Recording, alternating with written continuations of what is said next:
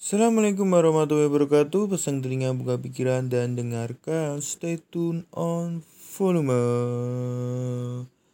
Baik, kembali lagi bersama saya Wirat Bajadi di podcast Sanjang Sanjang.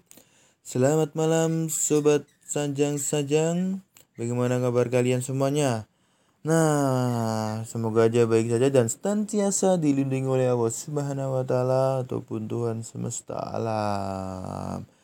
Nah, mari kita lanjutkan lagi dengan, dengan judul Gending Alas Mayat part kedua, penyelamatan.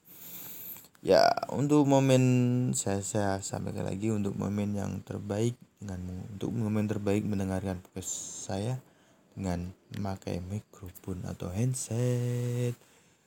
Baik, kita langsung saja simak apa saja keseruan selanjutnya dari program Merinding Yuk bareng.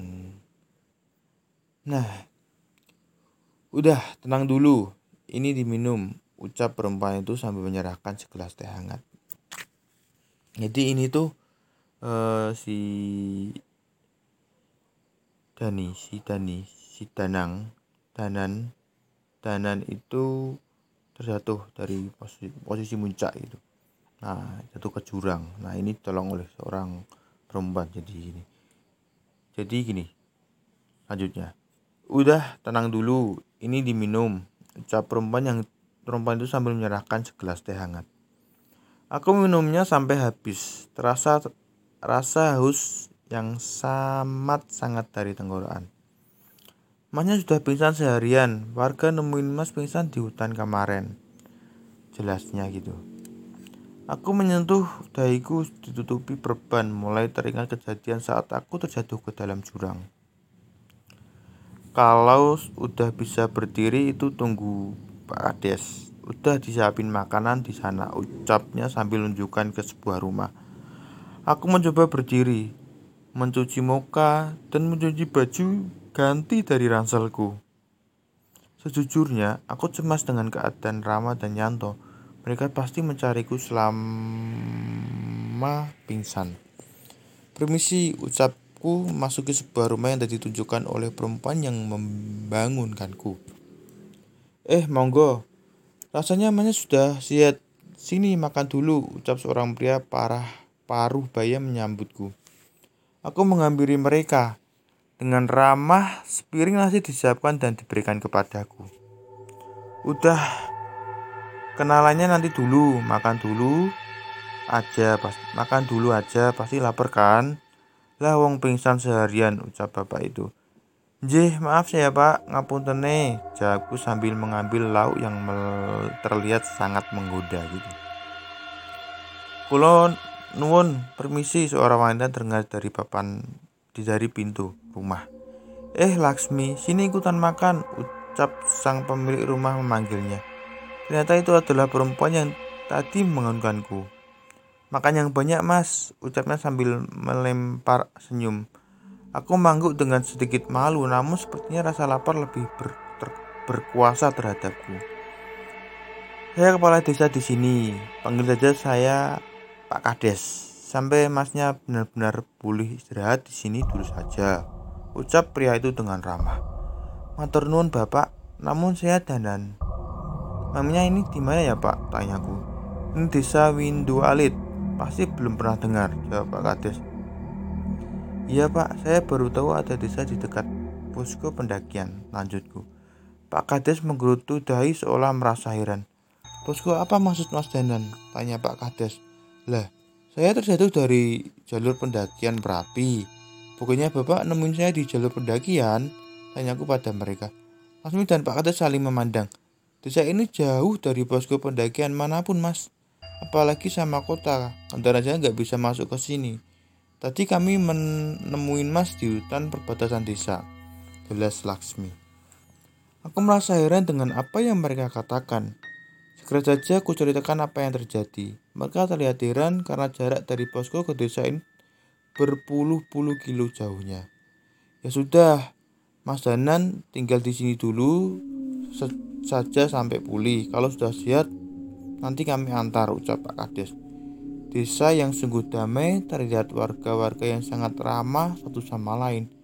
Hal yang syuk dan pemandangan indah Gunung Merapi selalu setia menemani pagi setiap warga desa ini. Hanya saja di sini masih serba tradisional. Penerangan menggunakan lampu, minyak dan bentuk rumah-rumah yang masih dari kayu merupakan pemandangan yang tidak biasa untukku. Pagi Mas Danan, ucap Lasmi memecah, memecah lamunku di pagi hari. Pagi Mbak Lasmi, jawabku.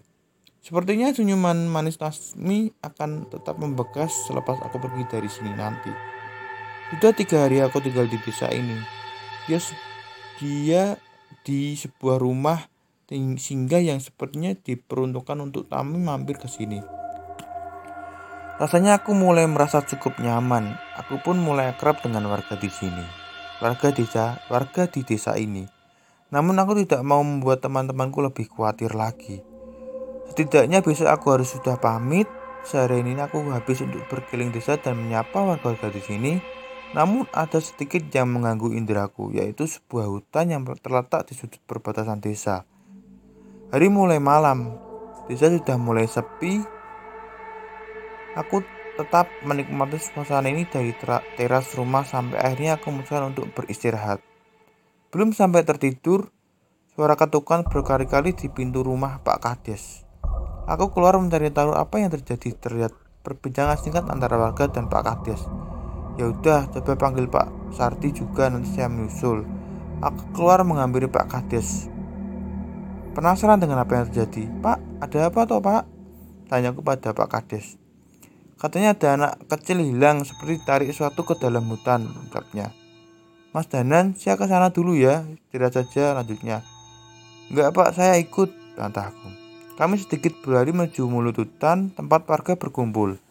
Terlihat warga sudah siap di sana dengan kantongan, kentongan dan obor. Aku menerobos kerumunan dan melihat ke dalam hutan.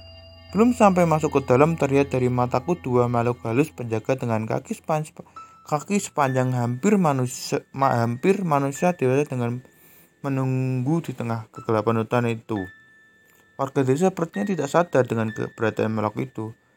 Kita bagi sebagian masuk ke hutan dan saya berjaga di desa. Ucap Pak Kades kepada warga. Aku berpikir sangat berbahaya apabila warga masuk ke hutan. Bisa jadi anak yang diculik tadi hanya umpan untuk mencari tumbal lainnya. Pak, jangan dulu bahaya, ucapku pada Kades. Kenapa Mas Danan? Kuburu anak itu kenapa-napa, ucap Pak Kades. Jangan Pak, bahaya. Bisa-bisa warga lain juga jadi korban. Pak Kaya tetap bersiko untuk masuk, namun aku tetap menghalanginya. Kalau begitu kita harus bagaimana Mas Danan? Saya dengan menahan emosi. Aku menoleh ke arah hutan mencoba mengamati apa yang ada di sana. Biar saya mencari ke dalam. Gak gak, mungkin kita biarkan Mas Danan sendirian ke sana. Gak mungkin lah gitu. Tenang Pak, Kades yang tidak tidak setuju. Gak sendirian, saya akan ikut ke dalam ter terdengar suara dari seorang pari, pria paruh baya yang baru datang. Pak Sardi benar mau masuk ke sana? Tanya Pak Kades. Ternyata beliau adalah Pak Sardi, seorang yang diminta tolong dipanggilkan oleh Pak Kades. Jangan Pak, berbahaya kalau memaksa masuk lebih dari lebih baik pagi hari. Biar saya mencari tahu dulu kondisi dalam ucapku pada orang itu. Pak Sardi tidak menghiraukan ucapanku. Berjalan menuju ke mulut hutan dan membacakan doa-doa yang cukup panjang. Lihat kedua makhluk penjaga, penjaga di mulut hutan itu geram dan menghampiri Pak Hardi. Namun sebelum sempat mendekat, kedua makhluk itu ter terbakar habis. Mas jadi ikut dalam, ucap Pak Sardi dengan menoleh ke arahku.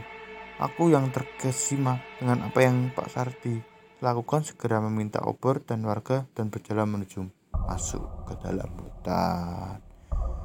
Nah itu adalah sedikit ya tadi hmm, perjalanan Danan ketika dia itu apa ya jatuh dari Gunung Merapi tadi tiga orang karena tadi dirobohkan oleh seorang kera makhluk di episode sebelumnya kemudian jatuh ditemukan oleh Lasmi dan akhirnya hmm, itu di hutan itu ya ada liko-liko problematika nah itu sobat sajang-sajang itu part yang ini adalah part yang ketiga cerita dari gending alas mayit yang ketiga.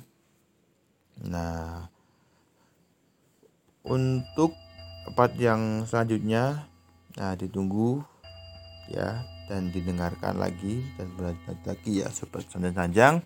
Ikuti podcast saya sanjang sanjang di Spotify di Ancur juga.